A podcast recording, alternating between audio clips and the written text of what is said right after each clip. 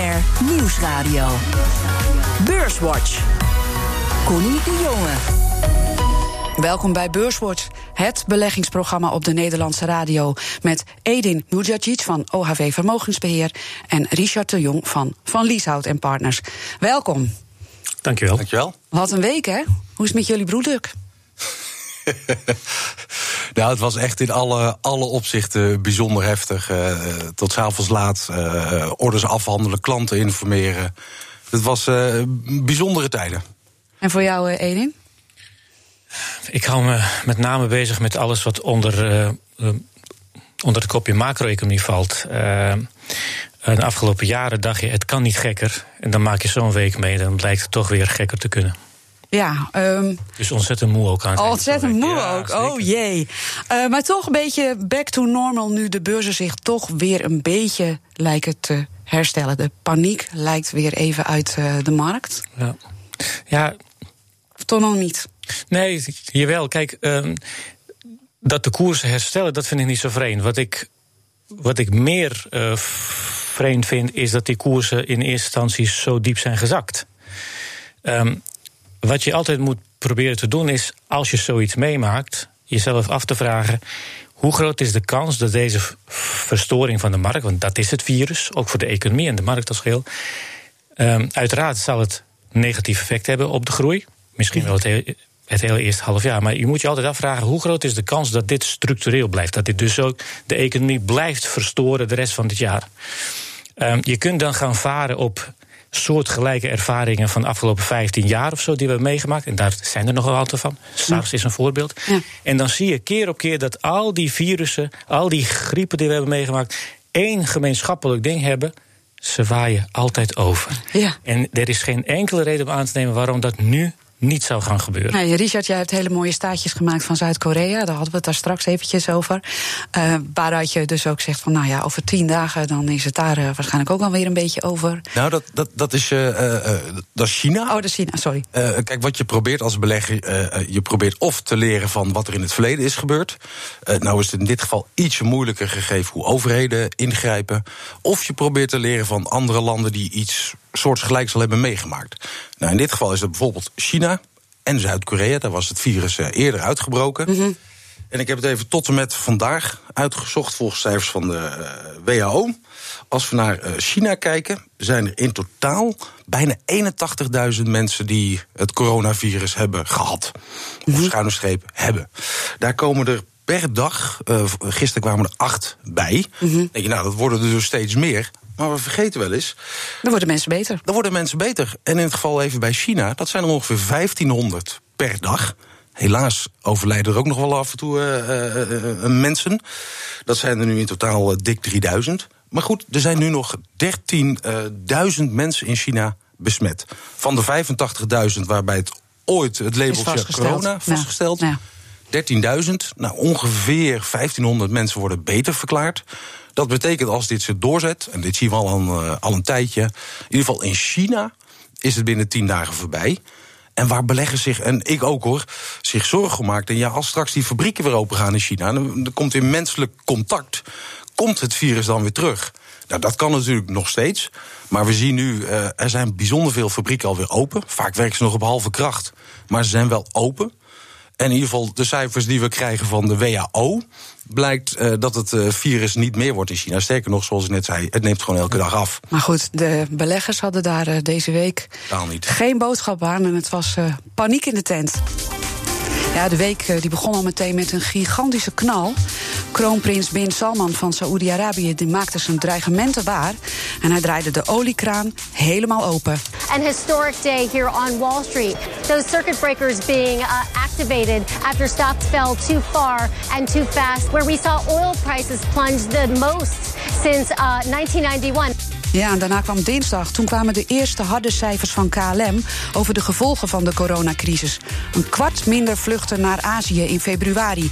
KLM-topman Pieter Elbers. Zeker met wat er in Italië en in andere delen van Azië aan de hand is, uh, zien we de gevolgen voor de maand maart aanzienlijk groter worden. Dus uh, uh, een linkse directie in plaats van een stootje lijkt me een goede, goede manier van verwoorden.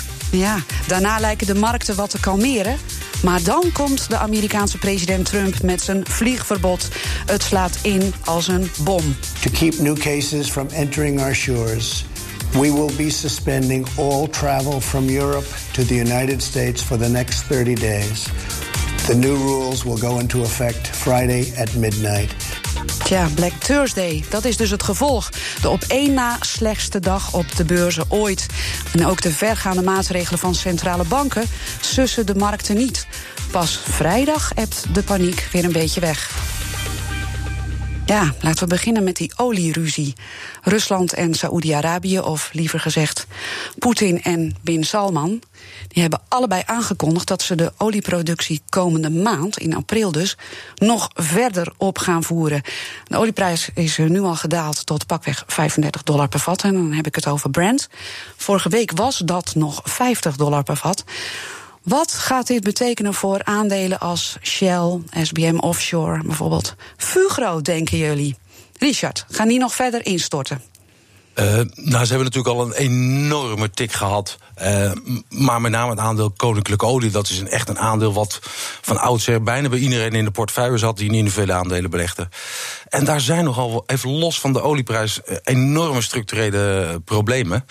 Uh, wij hebben ze, uh, denk twee maanden geleden verkocht. Na twintig jaar erin belegd te hebben. Ja. En eigenlijk de voornaamste reden, Koninklijke Olie keert 90 tot 95 procent van de winst uit aan dividend.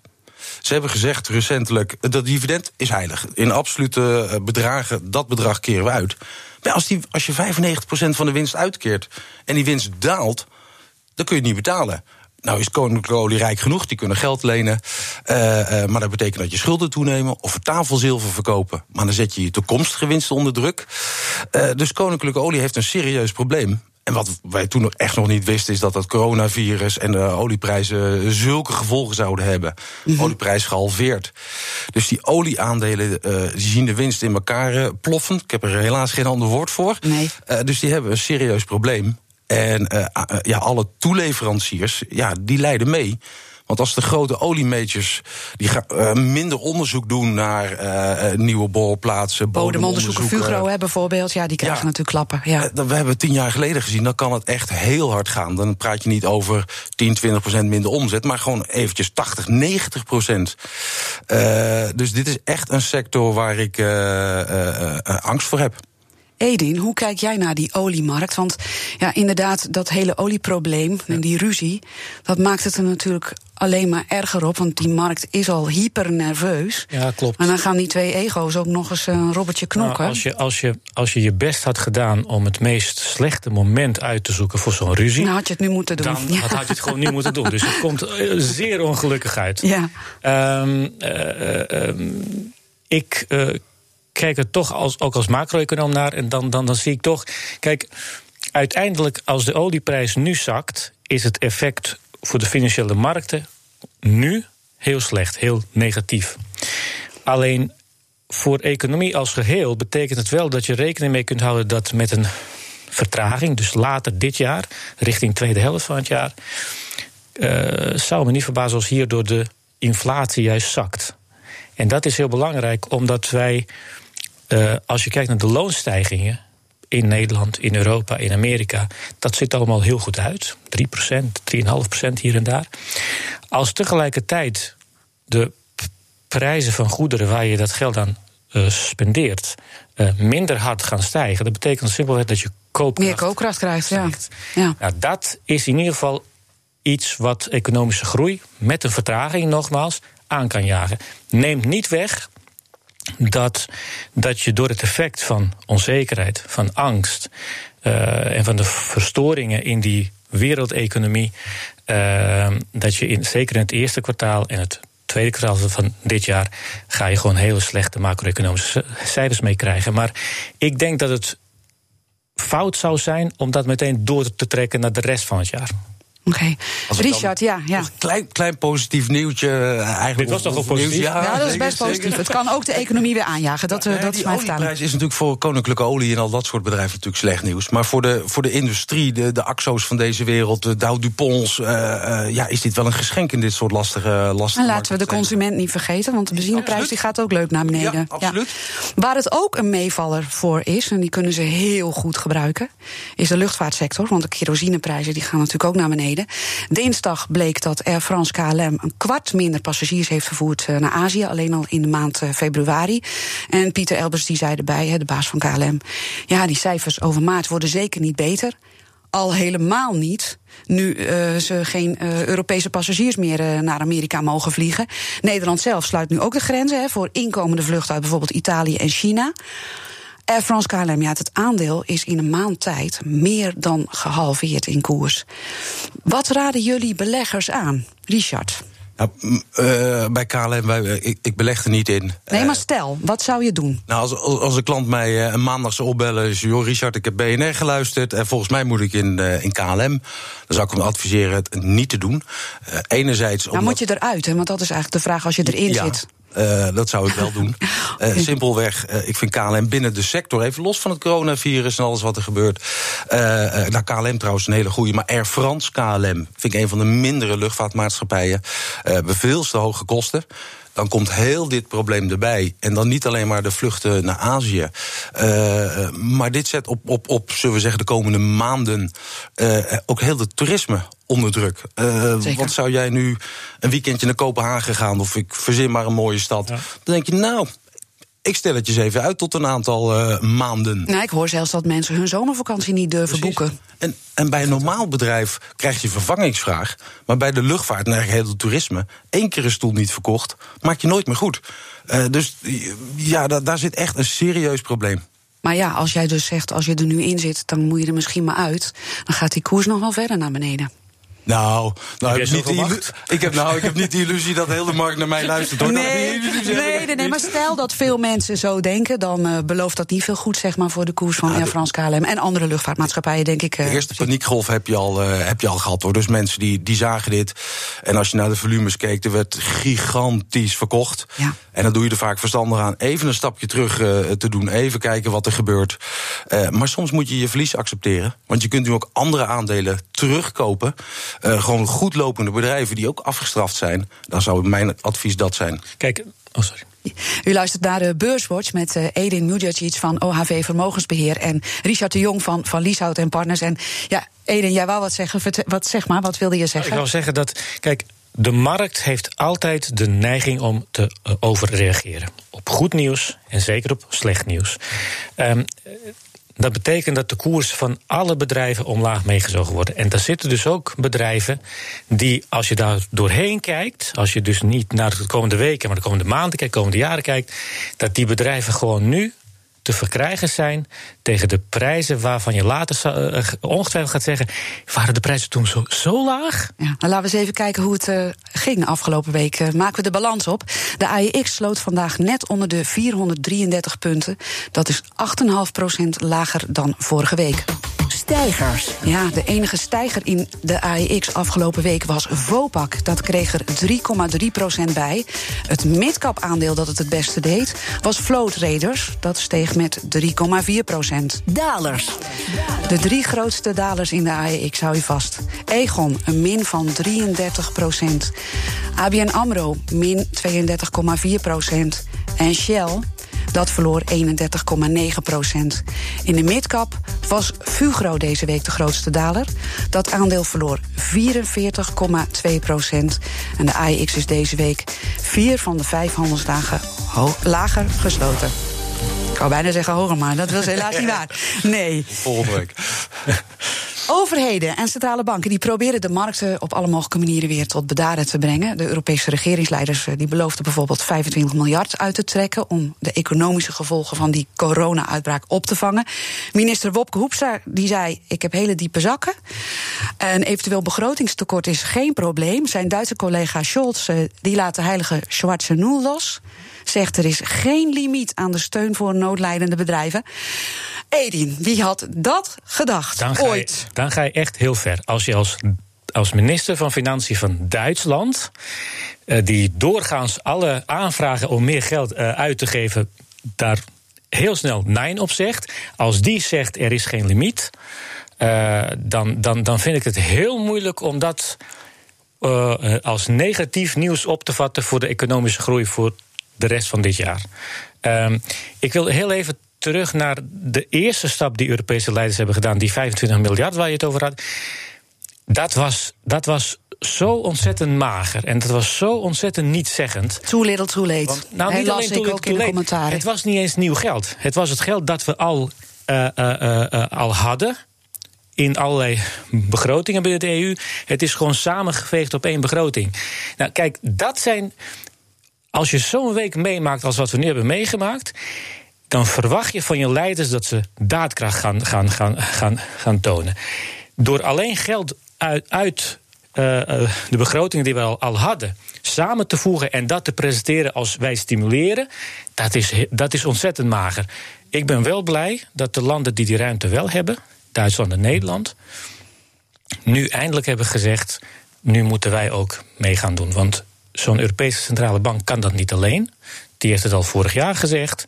Uh, als ik dit allemaal samengooi op een hoop, dan zie ik een aantal dingen.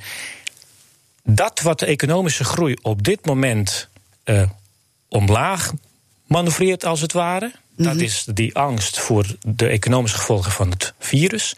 Is per definitie een tijdelijk fenomeen. Dus dat ebt uh, straks weg.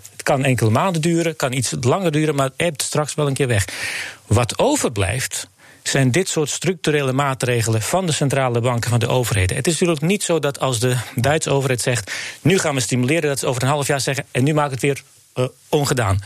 Dus naarmate je wat verder kijkt, dan zie je dat de factoren die de groei omlaag hebben gedrukt, die vallen straks weg. En wat er overblijft zijn factoren die die, die groei uh, uh, juist aanjagen. Als het in ieder geval stoppen in goede dingen. Richard, um, die. Nou, als ik er maar op, op mag inspringen. Ja, wat ja, je natuurlijk als, als, als overheid kosten wat het kost wil voorkomen. Ik ben het helemaal eens met Edin. Dit is een tijdelijk fenomeen. Uh, hoe lang dat tijdelijk is, wisten we met z'n allen maar, maar dat weten we niet. Mm -hmm. We kunnen wat leren van China, maar goed. Uh, maar de komende periode uh, gaat het sociale leven, het economisch leven redelijk stil liggen. Maar dat is allemaal nog wel te overzien. Dat is pijnlijk, maar is het overzien. Wat je natuurlijk kosten wat het kost wil voorkomen als overheid zijnde, is dat met name uh, midden- en kleinbedrijf mensen gaan ontslaan, want er is geen geld. Uh, dus die mensen worden ontslagen. Ja, dan krijg je dus een economische crisis voor de lange termijn. Want die mensen hebben geen baan meer. Als alles weer goed gaat, ja, die kunnen het niet meer besteden of minder. Dus wat je nu wilt, zet een pot met geld op tafel. En precies wat Eden zegt, maar wel het liefst nieuw geld en meer. Om te voorkomen, geef kleine bedrijven en ook grote bedrijven trouwens de mogelijkheid mensen in dienst te houden. Deeltijd WW, verzin maar regels. Maar dat in ieder geval niet mensen massaal uh, ontslagen. Kijk. Nou roepen die Europese centrale bankiers al maanden. Uh, onze gereedschapskist is uh, nagenoeg leeg. Hè? De, we, we, weten het eigenlijk niet meer. Hadden we nou zo'n rampweek als deze week nodig om die Blijkbaar regeringsleiders wel. in. Blijkbaar wel. Maar dat is toch eigenlijk best wel een treurige conclusie eigenlijk. Daar ga ik voor een groot deel met je mee. Uh, ik ben wel blij dat ze het uiteindelijk wel doen. Want als je, als je nu niet gaat stimuleren, wanneer dan wel? Uh, en inderdaad, om even hierop aan te sluiten. Wij vergeten heel makkelijk. Uh, het leeuwendeel van de werkgelegenheid in onze moderne economie komt niet door grote internationaal opererende bedrijven, maar zit in de MKB-sector. En dat is de sector die van alle maatregelen die zijn genomen in, sinds 2008 relatief het minst geprofiteerd heeft. Dus het goede aan deze week, als je het zo uh, zou willen noemen, mm -hmm. is dat er nu maatregelen genomen worden, zowel door de ECB als de overheden, die gericht, of meer dan in het verleden, gericht zijn op MKB-sector. En dat is de winst van deze week, vind ik. Nou kwam die ECB niet met een renteverlaging, maar wel met allerlei andere maatregelen. Um, ik ga eerst naar Richard. Wat vond jij van het optreden van mevrouw Lagarde deze week, in deze crisisweek? Nou, E- Edin is daar een expert in, in het analyseren Ja, van ik kom straks bij hem, want ik, daar weet ik al een Eh, eh, beetje van wat hij daarvan vindt. Dus, dus over, over het optreden, die geef, ik, eh, die geef ik aan Edin. Maar kijk, wat de ECB natuurlijk de, met name in 2017 en 18 heeft gedaan, toen het allemaal, of niet heeft gedaan, moet ik zeggen. En de Fed in Amerika wel. Eh, de Fed heeft de rente in zeven stappen verhoogd in die jaren. De ECB niks. Ze hebben wel gezegd, de regeringen, doe nou eens wat, dan kunnen wij de rente ook verhogen. Maar er is niks gebeurd. Dus er is nu op, qua rentewapen eh, is er weinig meer over. Ja, je kunt de rente van min een half naar min 0,6. Ja, maar ik las toch, beleggers zijn teleurgesteld dat er niet dat stapje is gezet. Was jij teleurgesteld dat dat stapje niet kwam? Nou, ik, ik, ik, ik had weinig fiducie daarin. Want nogmaals, zoveel munitie is er niet. Althans, niet qua het rentewapen.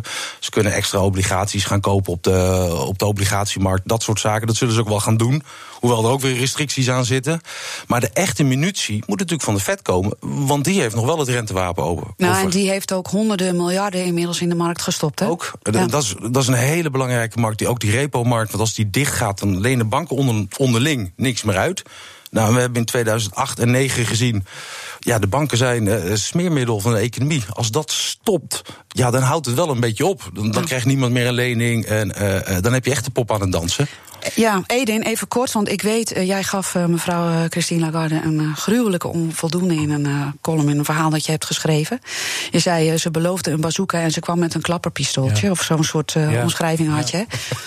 Was dat puur meer beloven dan waarmee ze kwam? Of wat, hoe, kijk- wat, wat ging er volgens jou mis? Zij heeft op dinsdagavond, dus twee dagen voordat we te horen zouden krijgen wat de ECB ons allemaal gaat voorschotelen, heeft ze gezegd: als we niet daadkrachtig optreden, dan riskeren we een herhaling van 2008.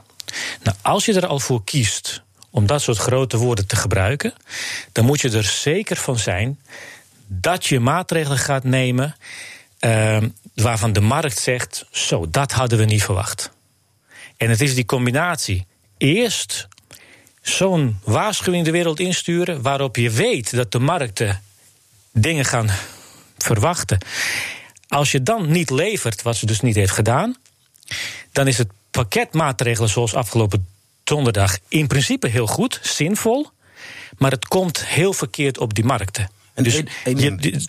Je moet altijd proberen om de verwachting van de markten Te managen. te managen. En Ja. dat heeft ze niet goed gedaan. Ik moet Wat het kort houden, jongens, want ja. anders komen we niet meer toe aan de tip. En ik denk toch dat eh, onze luisteraars daar echt op zitten te wachten. Eh, want eh, we willen het positief afsluiten. Wat is eh, jullie tip voor de luisteraar? Naar welk aandeel, welke obligatie, welke sector kijken jullie stiekem nu al van... hé, hey, dat is een pareltje te midden van dit moeras, zal ik maar even zeggen... wat afgelopen week is eh, ontstaan. Eh, mag ook iets anders zijn dan belegging, mag ook een tip zijn van jongens, let daarop. Richard, wat is jouw tip voor de luisteraar? Nou, ik heb er twee voor de prijs van één, maar ik zal het kort houden vanwege de tijd. Ja. Het is een aanbiedingenweek. Ja, het, het vliegt voorbij, eh, want dat kijk, de meeste klanten zijn, of de meeste mensen zijn natuurlijk belegd, zeker de luisteraars naar dit programma. Ja. Eh, maar het is echt een gekke tijd en het kan nog gekker worden. Eh, opties leveren op dit moment heel veel geld op. Dus het verkopen van call-opties, dat is eigenlijk een schokdemper, een soort verzekering, levert heel veel geld op. Dat raad, raad ik eh, beleggers aan. Dan geef je ook je winst niet op als het weer wat herstelt, maar je hebt wel een buffertje. En het tweede is gewoon de grote techbedrijven, de Amazons, de, de Apples, de Microsoften van deze wereld. Ook die zijn in drie, vier weken met 20, 30, 40 procent gedaald. Die waren ook wel heel duur. Eh, sommige wel. Anderen niet, want de Mhm. winsten stijgen gewoon elk jaar met 20, 30, 40 procent. Die hebben soms wel honderden miljarden aan cash waarmee ze eigen aandelen kunnen inkopen. Dus kijk naar een, een Microsoft of een Alphabet. Als je ze nog niet in portefeuille hebt. Dat soort geweldig geleide Dit het, eh, bedrijven. dit het moment. Is op. Edin. Iets wat ik opvallend vond eh, deze week is dat, ehm, ehm, dat de financiële aandelen heel zwaar eh, Afgestraft zijn, zeker. eh, deze week. En ik kan me voorstellen waarom dat zo is. Want je denkt heel snel aan 2008. Je denkt, daar gaat het fout in die sector. Ik heb toch heel sterk het gevoel dat beleggers eh, onderschatten wat de ECB gisteren meegedeeld heeft. De ECB heeft gisteren allerlei maatregelen genomen gericht op de financiële sector. En die komen er in het kort op neer. Zorgen jullie er maar voor dat je geld blijft uitlenen. En maak je geen zorgen over eventuele liquiditeitsproblemen. Daar zijn wij voor en wij staan vierkant achter je. Ehm, als je die redenering doortrekt, dan is de kans klein dat, dat de financiële sector in grote problemen komt. Dan komt bij dat de Nederlandse banken er ook goed voor staan, zeker vergeleken met 2008. Ik vind dat de afstraffing in die sector van deze week een beetje overdreven is. Oké, financials dus. Dankjewel, Richard de Jong van Van Lieshout en Partners... en Edin Mujagic van OHV Vermogensbeheer. Dit was BNR Beurswatch. Als u wilt reageren, dan kan je een mailtje sturen naar beurswatch.bnr.nl. Terugluisteren kan via de site, de BNR-app, de Apple Podcast-app of Spotify. En volgende week is Rob er weer.